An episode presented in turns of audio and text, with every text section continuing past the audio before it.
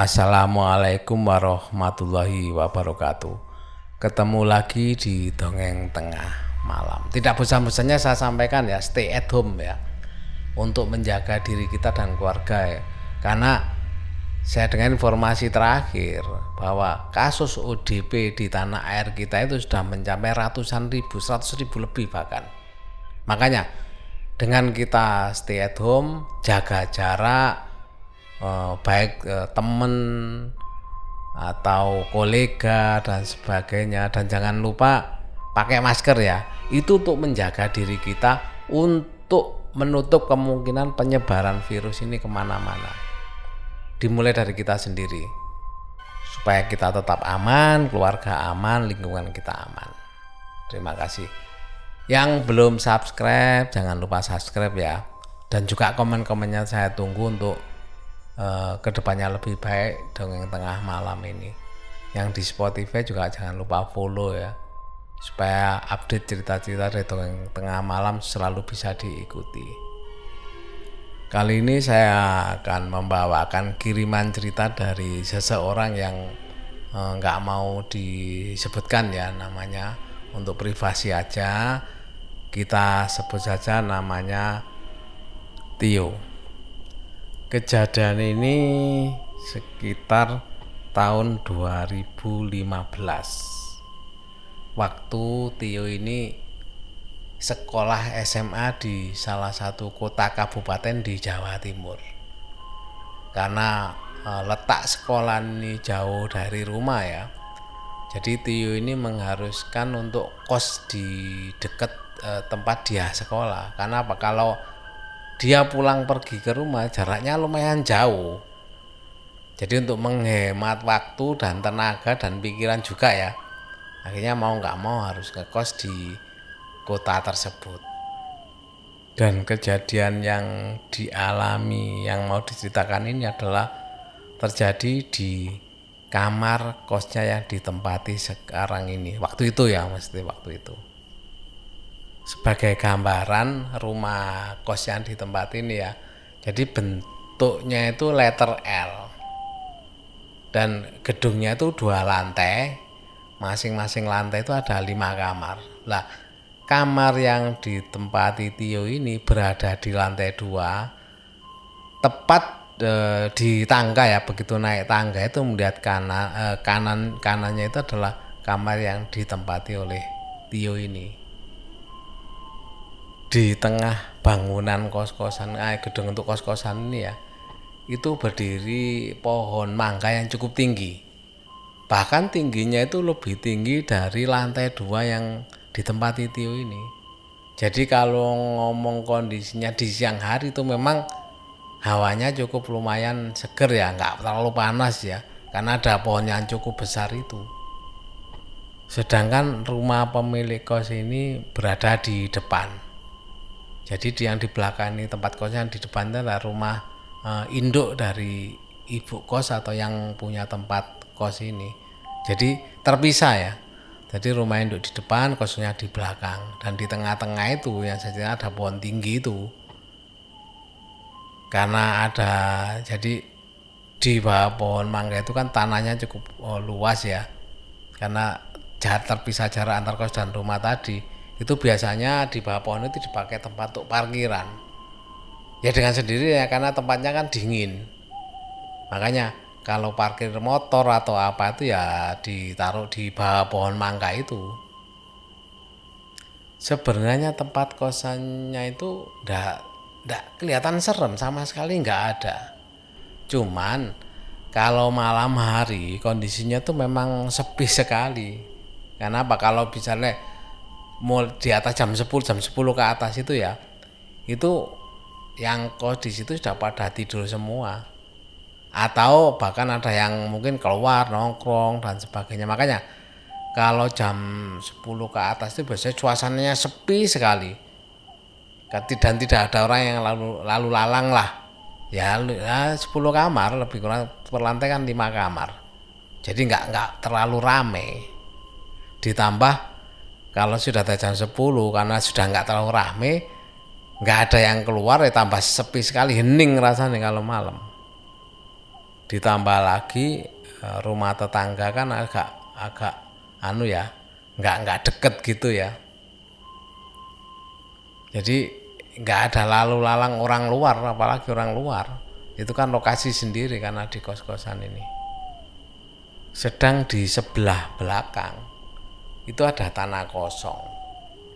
Tanah kosong di situ rimbun tanah karena kosong ya rimbun terus ada tanaman pohon pisang.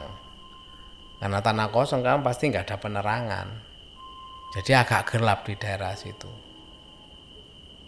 Kejadian awal itu ketika suatu malam setelah sholat isya ya habis isya Tio ini merasa kok perutnya lapar ya.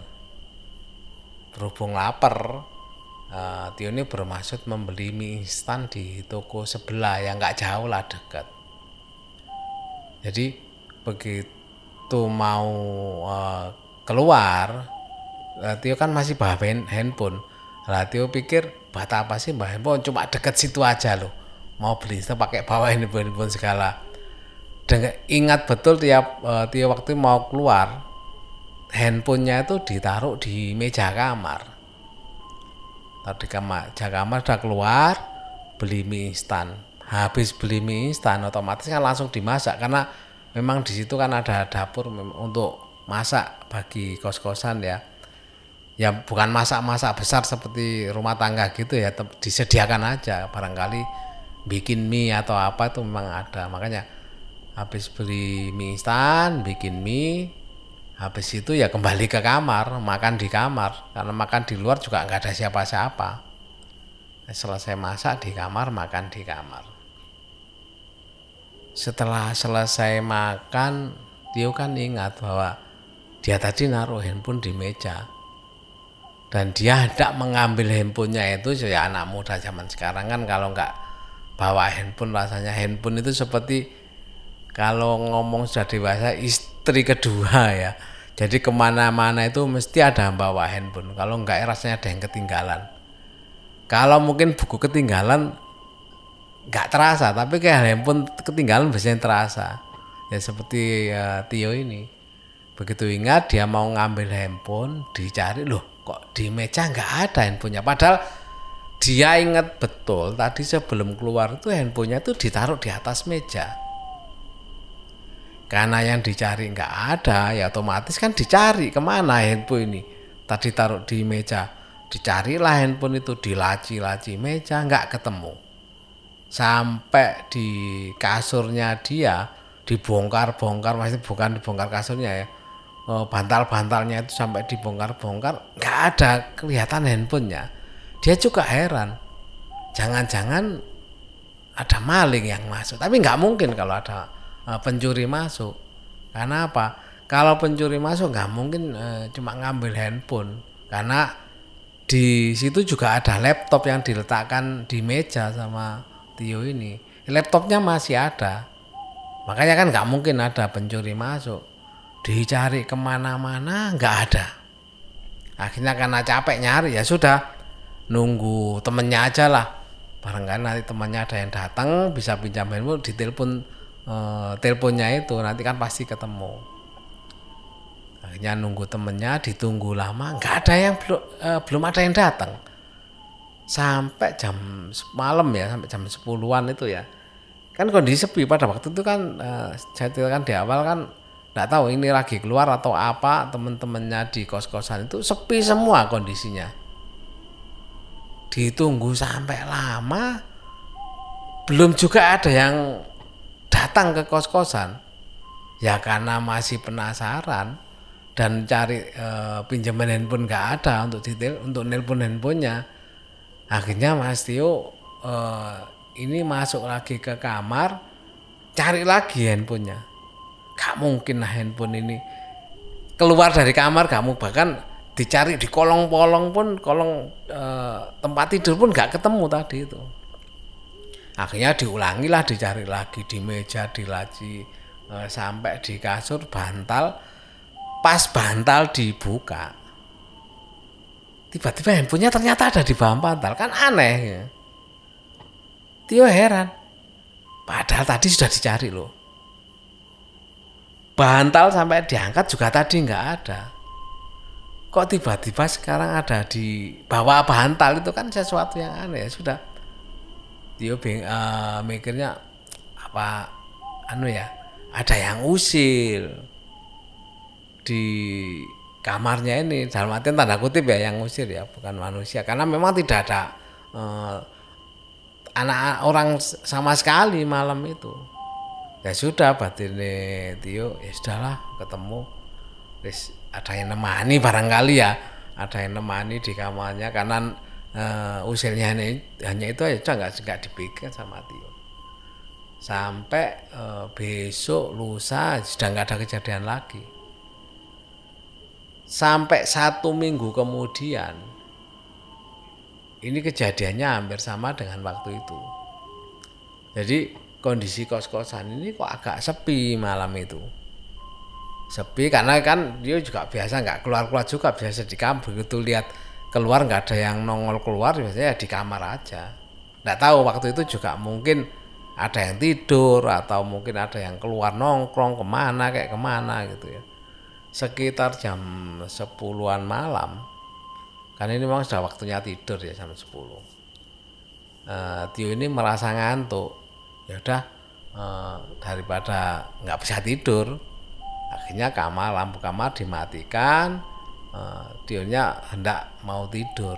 Tapi biasa eh, anak muda ya kalau tidur itu mesti lihat handphone dulu. Jadi sebelum tidur dia ngotak ngati handphone lihat apa sambil ngantuk nanti mungkin tertidur ya. Gak lama dia mainan handphone dia sudah mulai merasakan ngantuk mau tidur. Tiba-tiba ada temennya yang ketok-ketok ternyata ada temennya yang datang ya temennya ini sebenarnya bukan anak kos itu sih. Jadi temennya itu rumahnya dekat situ teman-teman sekolah ya. Teman sekolah lagi main ke rumah. Ya nggak sekali ini sebenarnya.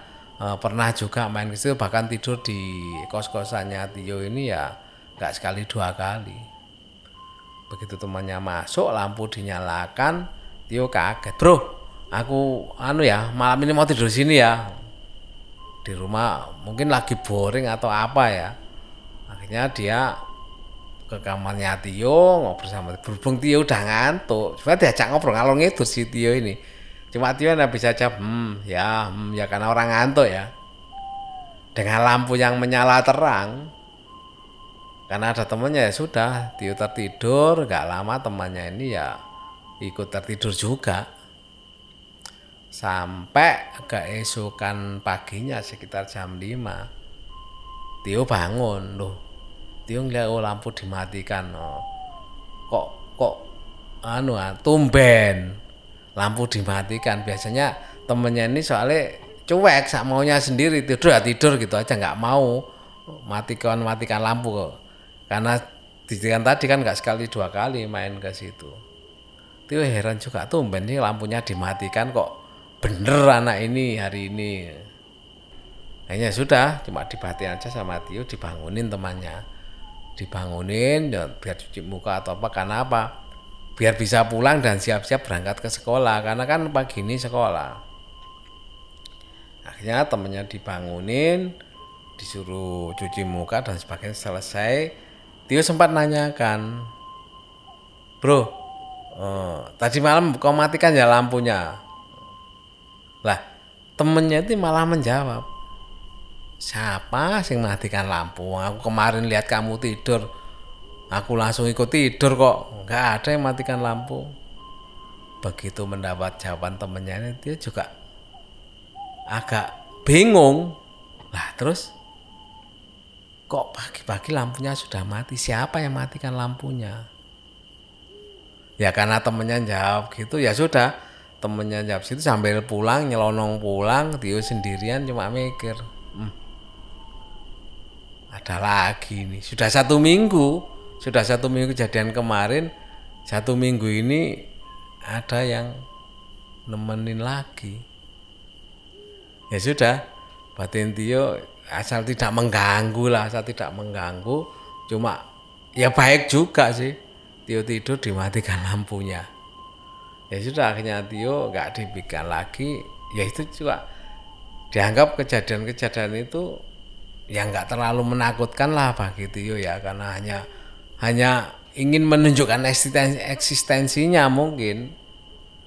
Ya sudah akhirnya Tio nggak dikira lagi sekolah ya sudah seperti biasa. Nggak terlalu membuat uh, Tio harus pindah kos atau enggak lah.